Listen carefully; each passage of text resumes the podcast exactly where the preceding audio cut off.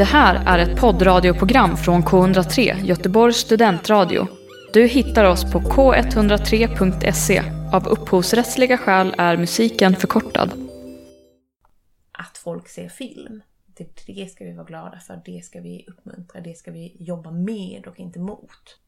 Men vi, vi kanske kommer klippa bort detta, men min spontana tanke blir ju nu så här. Pirate Bay, inte det, var inte det så här, är inte det olagligt? Eh, Att ladda upp filmer? jo, Men vem var det som laddade upp filmen då? jag själv. Det var... Jag la ju, jag la ju min film själv där till, till publiken liksom. Jag heter Henrik Bergen. Jag heter Håkan Hellström. Hej, det här är Timo Räisänen. Det här är Björn. Och Daniel från Inflames. Du lyssnar på, lyssnar på på K103. K103. Göteborgs studentradio. Välkomna till Göteborgs studentradio K103 och programmet Äkta känner äkta. Ett radioprogram om teater och film. Jag som pratar heter Marcus Standoft. Jag är skådespelare och lärare. Under tio avsnitt kommer ni tillsammans med mig få möjligheten att blicka in i olika kulturarbetares liv. Dagens gäst heter Hanna Sköld. Hej Hanna! Hej Marcus. Det, jag brukar säga så här, välkommen till studion, men vi, vi sitter inte i studion just nu. Kan du, kan du beskriva rummet vi sitter i just nu? Vi sitter ju faktiskt i min studio. Så att egentligen Ja. kan man säga välkommen till studion fast jag, det är jag som vill säga det till dig. Ja, just det. För det här är ju den här studion där jag jobbar med att bygga just nu en hel livsmedelsbutik i miniatyr. Mm. Och eh, en massa dockor. Just det. Eh, Så det vi ser omkring oss, det finns så här, det finns dockor. Jag såg, ja men det är ostar va?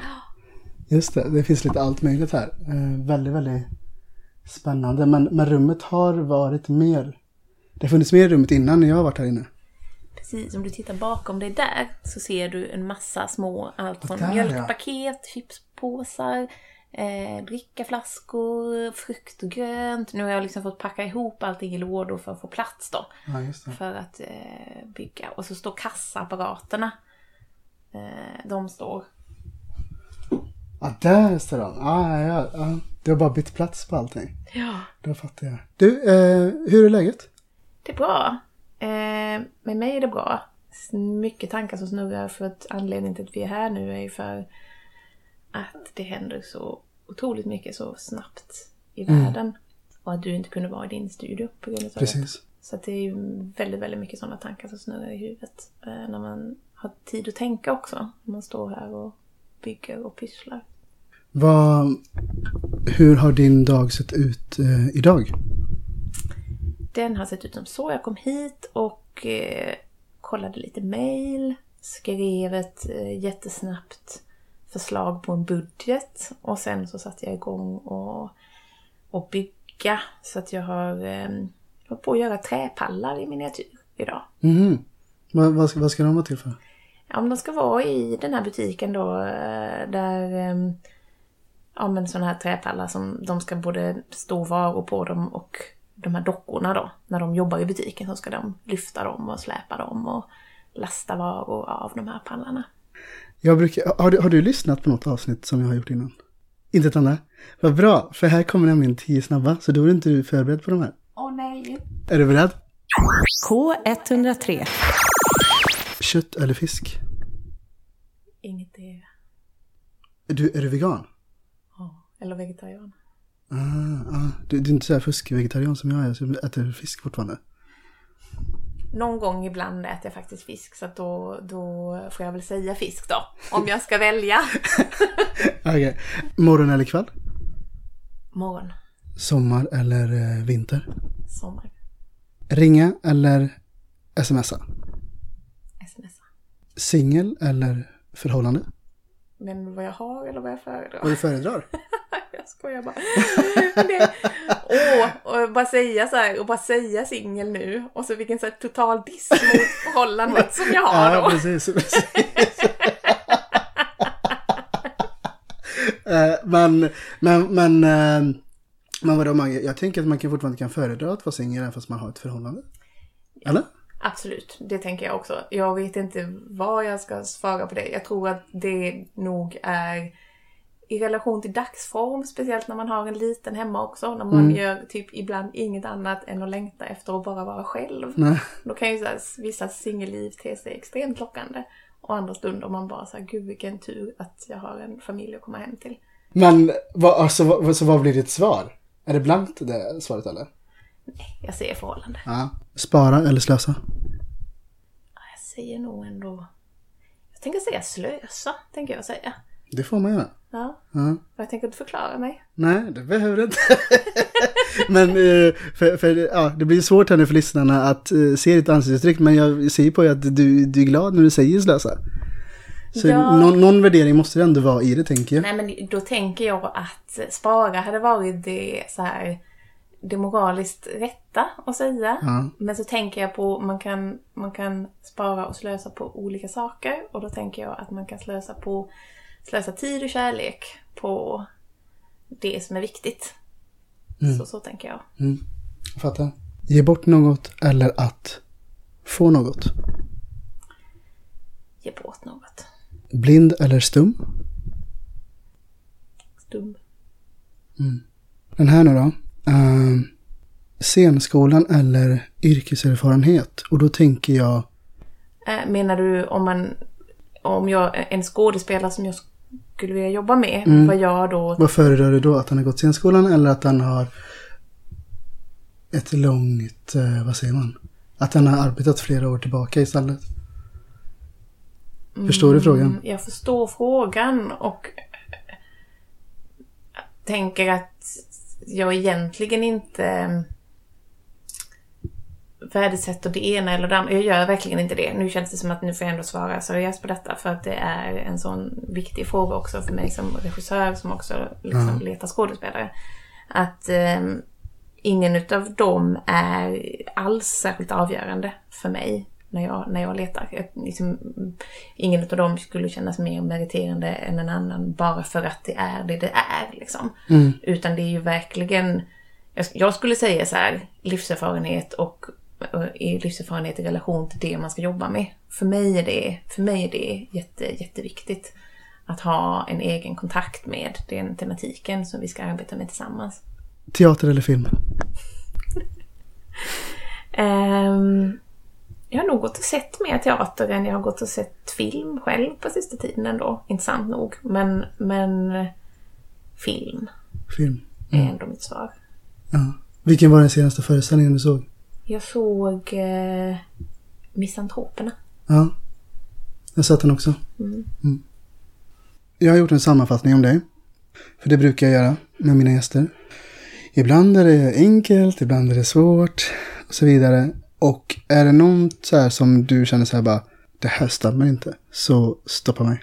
Eh, Hanna, du är, eh, du är filmregissör, manusförfattare, producent och klippare.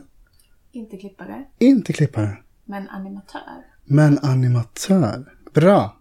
Jag fick, eh, ja, bra. Eh, och då, då är min fråga så här, vilket yrke anser du är din huvudsyssla? Regissör. Regissör. Du är eh, 42 år och du har undervisat eh, på Filmhögskolan Akademin Valand. Du har regisserat allt från långfilm till kortfilm och eh, är med och driver produktionsbolaget Tangram Film.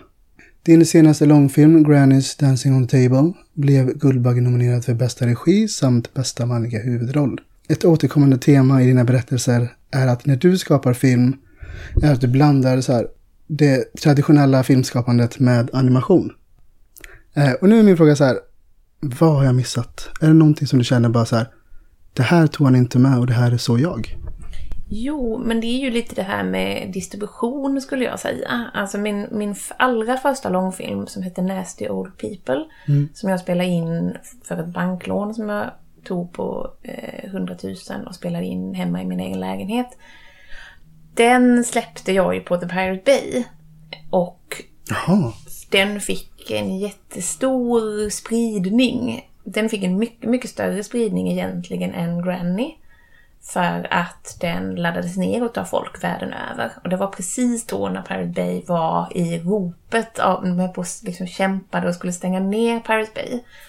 Och då la jag upp så att istället för det här piratskeppet så låg en bild på min film på första sidan. Och Åh jäklar. massa, massa människor världen över laddade ner filmen. Tittade på den. Skrev kommentarer. Delade den vidare. Ordnade egna visningar runt om i världen. Till exempel i Ukraina ordnades det visningar. Eh, där en, eh, en, en, en person som hade laddat ner filmen tog kontakt med en biograf. Som sedan tog kontakt med en distributör som kontaktade mig och sen så visades filmen på en biograf där nere och jag bodde hemma hos de här personerna som hade laddat ner filmen från första början. Men shit. Eh, folk donerade pengar så att jag kunde betala tillbaka det här bank- banklånet på 100 000. Folk översatte filmens subtitling till 18 olika språk och la upp den så jag kunde sida den vidare. Och då ordnade egna visningar också på olika ställen i världen. Och det här är, det här är någonting som jag har jag har inte liksom pratat och jobbat med det jättemycket nu på sista tiden, men det är något som hela tiden finns med hos mig i mitt arbete. Att jag tänker att jag vill ju, som vi alla filmskapare såklart gör, att de filmer jag gör ska nå en publik. Och vi måste jobba på att hitta andra sätt, hitta andra vägar och nå publiken där den finns. Inte se publiken som fienden, vilket man ofta gör när man till exempel försöker hindra folk från att ladda ner och titta, utan istället uppmuntra att så här, titta, se, dela och i det givetvis så, så, så behöver man också hitta en ekonomi det, för att få det att gå runt. Men att folk ser film, det, det ska vi vara glada för, det ska vi uppmuntra, det ska vi jobba med och inte mot. Men vi, vi kanske kommer klippa bort detta, men min spontana tanke blir ju nu så här.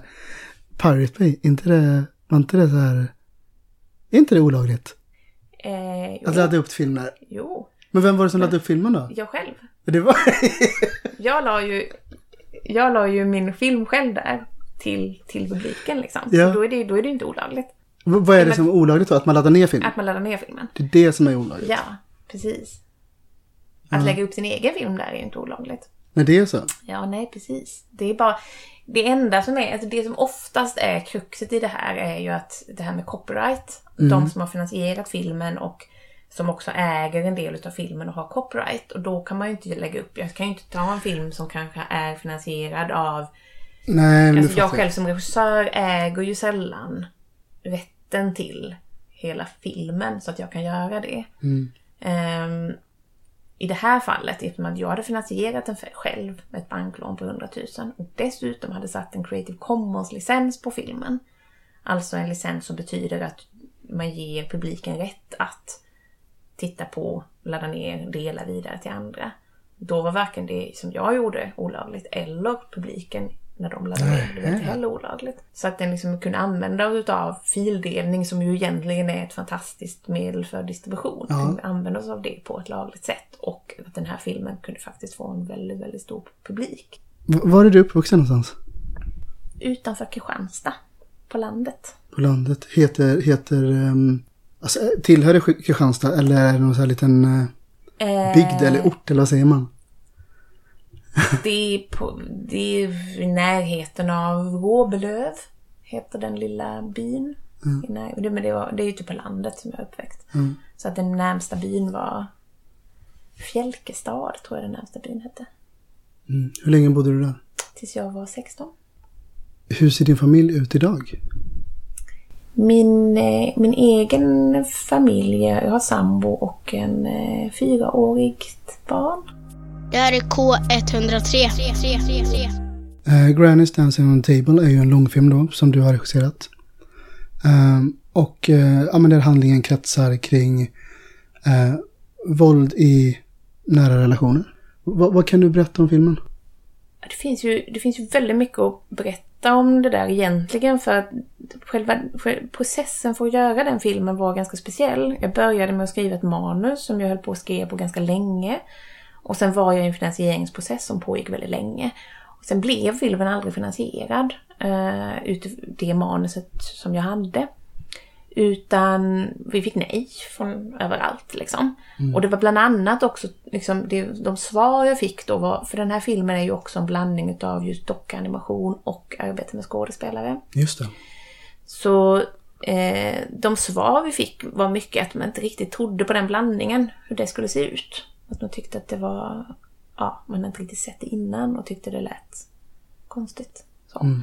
Ehm, så när vi fick nej och det var så vi kommer inte kunna finansiera den här filmen. Så det vi gjorde då var att just göra den här Kickstarter-kampanjen och få in tillräckligt mycket pengar för att kunna sätta igång en inspelning. Och då spelade jag in det som jag då hade skrivit som filmens prolog egentligen. Alltså typ de tio första sidorna av manus som handlar om när min huvudperson var barn och fortfarande bodde hemma hos sin pappa. Sen handlade egentligen resten av det manus jag hade, det handlade egentligen om från att hon stack hemifrån och hennes liv efter det. Jaha. Så det var det manuset jag hade skrivit. Men när vi hade spelat in de här första eh, tio minuterna utav filmen så, så var det som att det, det hände någonting med mig också när jag tittade på det här. Jag, jag hade liksom befann mig i, i, i materialet och på set och i filmen. Så bara insåg jag att men gud, men det är ju det, är ju det här som är filmen. Det är det här som är Det centrala spännande, liksom. det centrala. Exakt. Filmen bygger ju väldigt mycket på mina egna erfarenheter. Jag har själv vuxit upp i ett våldsamt hem. Så att det är liksom mina erfarenheter av våld, våld i nära relation och våld mot barn som jag har, liksom, har byggt berättelsen på. Även om min egen liksom, livssituation såg ganska annorlunda ut så var det fortfarande väldigt eh, att jag ville liksom undersöka mekanismer bakom våld som var grunden för mig när jag började skriva och jobba med den här filmen.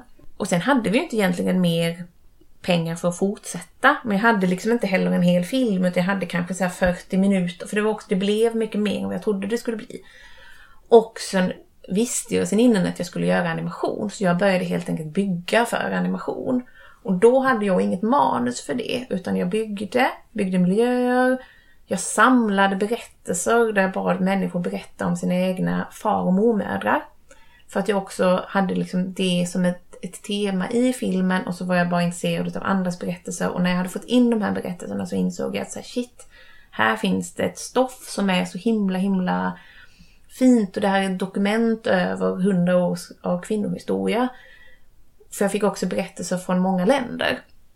Och när jag började titta på de här berättelserna så upptäckte jag så här spår och mönster och kunde liksom lägga samman de här berättelserna till någonting som sedan blev den voiceover som finns på animationerna. Så den voiceovern består egentligen till stora delar utav insamlade berättelser från andra. Jag jobbade tillsammans med en animatör men till så småningom började jag också animera själv.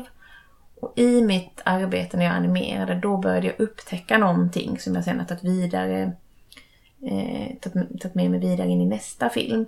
Det jag började upptäcka då det var helt enkelt att när jag höll på att jobba med mina händer, när jag höll på att liksom både bygga miljöer men också framför allt animera, så började det hända någonting med min förståelse för den tematik jag jobbar med, alltså våld i nära relationer. Jag började, jag hade liksom inte planerat att jag skulle göra, animera våldsamma scener egentligen. Men det var precis som att plötsligt så började dockorna, de började liksom leva sitt eget liv på något sätt när jag höll på. Jag visste ungefär vad jag skulle göra för scener och så började jag animera men ibland så tog scenerna en helt annan riktning än vad jag hade tänkt från början. För att jag på något sätt följde med i, när jag tittade på, man jobbar ju så frame för frame för det är liksom sån här gammaldags stop motion. Och så när jag då tittar på så här, oj det här ser ut som att den här dockan håller på att slå den dockan till exempel. Vad händer om jag bara följer med i den rörelsen och lever den ut och vad gör den här dockan då? Och jag liksom, det var så mycket kring så här kroppar och rörelse, makt, maktrelationer, över och underordning. Som på något sätt bara så här blev så synlig för mig för att jag också jobbar i det här extremt långsamma tempot. Alltså jag kunde ju hålla på liksom i 12 timmar och bara så här ta frame för frame för frame och liksom arbeta mig igenom det här våldet liksom. Då var det precis som att så här, någonting, både i det arbetet när jag höll på då och improviserade och sen när jag tittar på de här scenerna efteråt så var det precis som att det fanns här nycklar till någonting som jag inte hade fattat när jag skrev. Jag har på jättelänge och jobbat och skrivit scener och tänkt och skrivit texter och hållit på. Men det var någonting som jag inte fick tag på.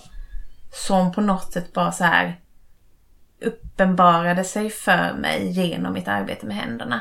Där jag också så började liksom fundera på vad det handlar om sen. Och det är också så att det är liksom den, den, den erfarenheten som jag ändå har av min kropp som jag inte har lyckats sätta ord på, som jag inte har verbaliserat och därför så kommer det inte ut i min text. Men det finns i min kropp och mina händer vet om den. Och det, det händer när jag, när jag håller på liksom. Eh, att tänka med händerna helt enkelt. Eh, och det tyckte jag var väldigt, väldigt häftigt för det var också så här att när jag hade jobbat när jag började och gav mig in i det här materialet för att det också är väldigt, liksom, egna väldigt smärtsamma erfarenheter jag arbetar med så var det väldigt svårt den första omgången när jag var på set också.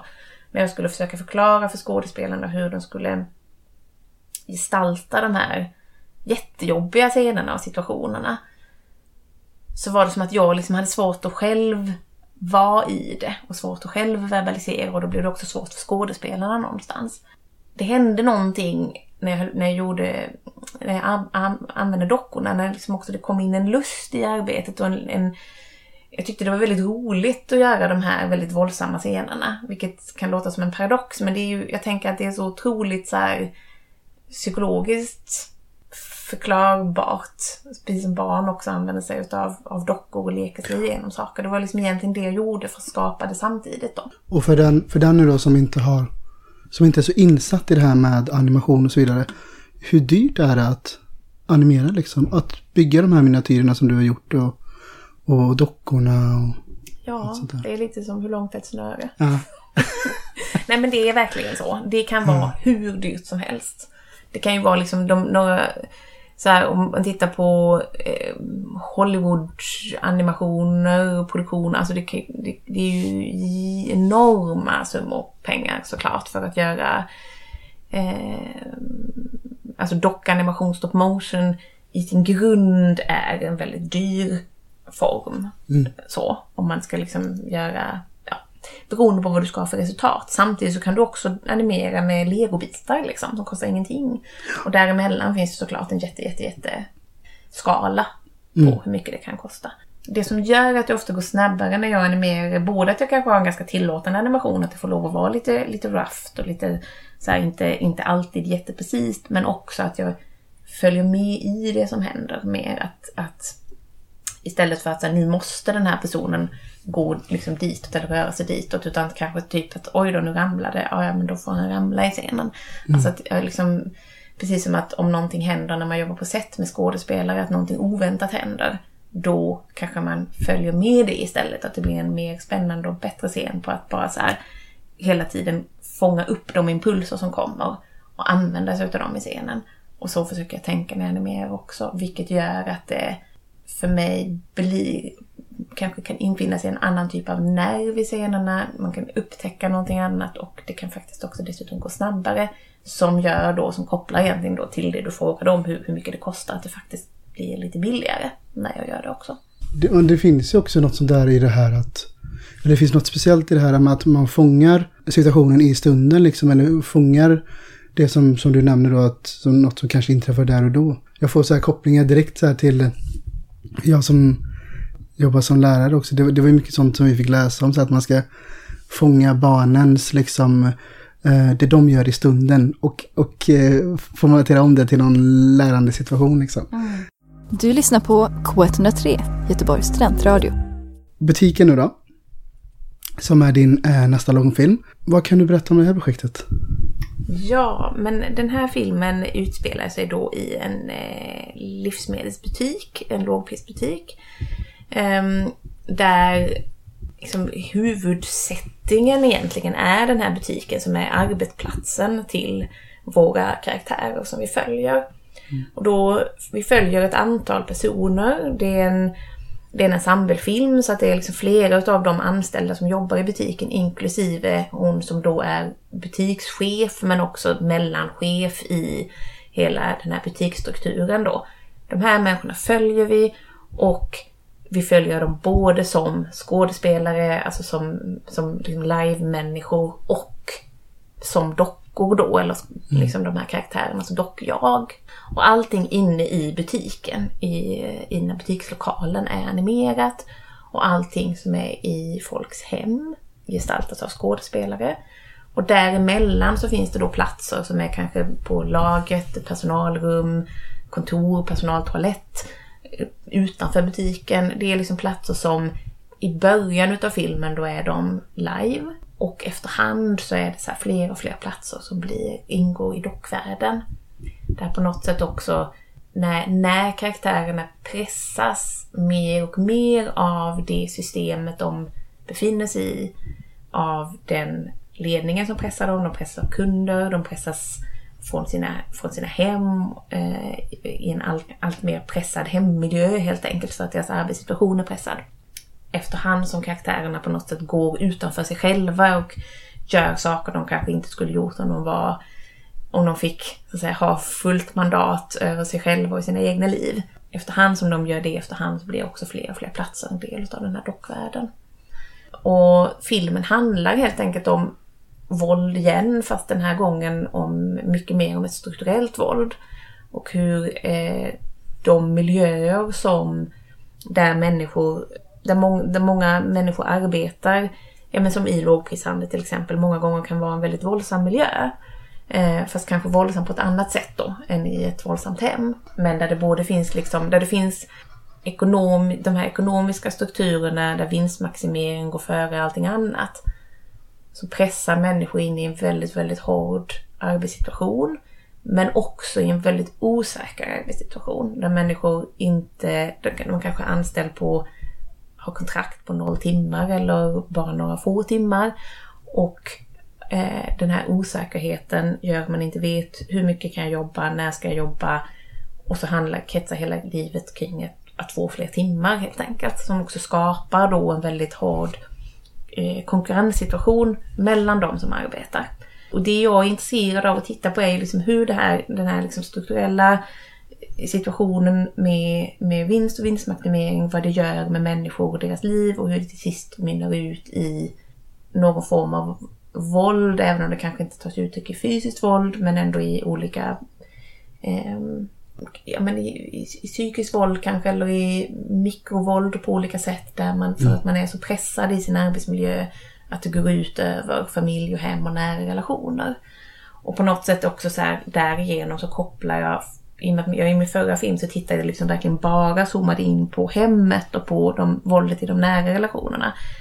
Men jag kände också att det var någonting som saknades när man inte tittar på strukturerna bakom. Och på det samhälle som också pressar på. Utan, Bidrar, ja. Som bidrar. Mm. Utan vi pratar liksom, när vi pratar om våld i nära relationer, då pratar vi om det är liksom individen. Vad individen gör och det är individens psyke och vad är det för fel på de här männen som det då ofta är som kanske utövar detta våldet och vad de har för problem.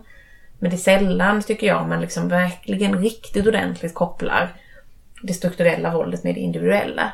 Utan att därigenom på något sätt skylla från eller säga att det inte är någons fel eller så. Mm. Men att ändå liksom bara titta på, den, på de rörelserna av hur våld fortplantar sig mm. genom samhällsskikt, genom, genom, genom de olika strukturerna. I min förra film så jag tittade också mycket på våldet fortplantas genom generationer. Och här hur det då liksom fortplantar sig inom ett samhälle och inom ett samhällssystem. Därför jag också tänker att det går inte separera, det går inte bara plocka ut en enskild händelse och titta på bara den och få alla svar där. Utan man måste koppla ihop många olika saker för att se, mm. för att se större bilder. Men du som filmskapare, hur kom du på den här idén? Jag har jobbat i butik själv. Hur länge då? Jag jobbade, vad kan det vara, tre år i livsmedelsbutik. Eh, innan jag började med film egentligen. Mm. Eh, så att eh, för mig kommer det ju väldigt mycket erfarenheter från därifrån. Jag använder mig av mina erfarenheter som jag har varit med om i, i butik när jag mm. har skrivit mina scener. Och att mycket tankar då kring men kommer liksom dels därifrån men också från andra utav arbetslivserfarenheter som jag har haft efter det. också erfarenheter i form av att jag blev mamma för fyra år sedan och de utmaningar som kommer av det. Att så här, vara liksom, tillgänglig för sitt barn i form av eh, ja, man ska amma och man ska eh, ha, ha bröstmjölk så det räcker och samtidigt ska du arbeta och du är frilansande kulturarbetare. Du ska, måste börja jobba tidigt för att få det att gå ihop. Eh, och samtidigt också som alla säger, tiden går så fort, du måste vara där här och nu med ditt barn. Mm, Tappa inte denna tiden och så är det klart att man känner att det är jätteviktigt och att man också vill det. Men att den stressen av att försöka då vara en, en bra förälder och alla krav på det och allt vad man vill ge sitt barn och samtidigt få det att gå ihop ekonomiskt och med tiden är en väldigt svår ekvation. Ja. Så det är liksom, ja, det är många olika delar utav egna livserfarenheter som också vävs in i, i den här berättelsen. K103 är världens bästa radio. Vad ser du mest fram emot under inspelningen? Och ja, jag vet inte, jag tror jag bara, jag längtar så himla mycket bara efter att, att hålla på och prova och testa och testa scener och liksom ha tid. Det är det jag, jag hoppas på, att kunna ha tid med skådespelare där vi kan undersöka tillsammans och prova och prova något annat. Och ehm, leka tillsammans. Vad har du för framtidsplaner förutom den här filmen som ska spelas in? Eh, jag, jag vet inte. I, om, man, om man pratar om, om rent film så är jag så himla mycket i denna filmen nu. Och bara vill göra den liksom. Så jag har liksom inte... Jag är inte alls framme i mitt huvud för att tänka på nya projekt och så. Men, men andra saker i livet är ju att jag, jag har börjat odla för något år sedan, eller två, själv. Och tänker på det jättemycket och älskar att göra det. Och vill odla mer och vill hålla på med hållbar mathantering mer. Okej. Så, så att det är liksom det är ett stråk som blir tydligare och tydligare i mitt liv. Där jag känner att det får gå parallellt med filmskapandet. Och det, det känns väldigt bra. Äger du ett växthus? Nej, men jag äger en liten lott, en odlingslott. Vad är det? Alltså en sån här, eh, eh, du vet så här kolonilottsområden. Ja, ja. Eh, och så finns det så här odlingsplättar liksom. Där man Jaha. kan så här odla på. Kanske man har kanske, kan det vara, ja men ett antal kvadratmeter som man odlar, odlar på. Okej. Och för att du, som jag nämnt innan, du, du har ju regisserat allt från kortfilm till, till långfilm. Eh, hade du i framtiden kunnat tänka dig att regissera teater? Ja men det, det skulle jag alltså kanske kunna tänka mig. Jag tror att jag har varit så, jag har aldrig gjort det så att jag också så här, det är så himla ny, alla annan konstform för mig som jag skulle tycka var väldigt spännande att undersöka. Men jag har, aldrig, jag har aldrig varit där, jag har aldrig gjort det. Så det skulle vara intressant att se hur det var, vad det, vad det kunde ge liksom. Men, eh, men det är ingenting som jag liksom har liksom några planer på nu. Men det skulle vara spännande att undersöka. Förstår. Eh, sista frågan. Nu ska du få berätta om någonting, vad som helst, som gör dig lycklig. Det får inte ha med odling att göra. Fan att jag sa det där. Ja. Jag tänkte jag får vara snabb nu för annars kommer vi fortsätta med det här. Vilket är jättefint så här. Men, men något, något annat, alltså så här, du, vad som helst. Att vara ute och ensam vandra i skogen. Det har jag gjort en del. Jag har inte gjort det sen jag blev förälder. Jag har inte riktigt lyckats få loss tiden. Men det är helt fantastiskt. Det behöver inte vara, man behöver inte liksom... Jag har vandrat längs med Skåneleden eller andra leder i Sverige och bara ensam vara ute. Och vara ute i flera dagar och sova själv i skogen. Och typ Mm. sätta upp, ha med sig bara en presenning och spänna upp den inne i skogen mellan några björkar. Och ligga där under och när det droppar lite vatten på taket och så bara ligga där helt själv. Med bara träden och marken och så är det helt tyst. Det är helt fantastiskt. Um, säsongens sista gäst heter eh, Hanna Sköld, filmregissör. Eh, Hanna, tusen tack för, att, eh, för din tid Tusen tack själv. och för ett härligt samtal. Känns det bra? Det känns jättebra. Det var ett fint samtal. Ja, ja vad bra. Vad bra. Ehm, ja, jag vet inte riktigt vad jag ska säga men tack för att ni har lyssnat och ha det så bra. Hej då! Hej då. Du har hört en poddradioversion av ett program från K103. Alla våra program hittar du på k103.se. Följ oss gärna på Facebook eller på Instagram. Vi hörs!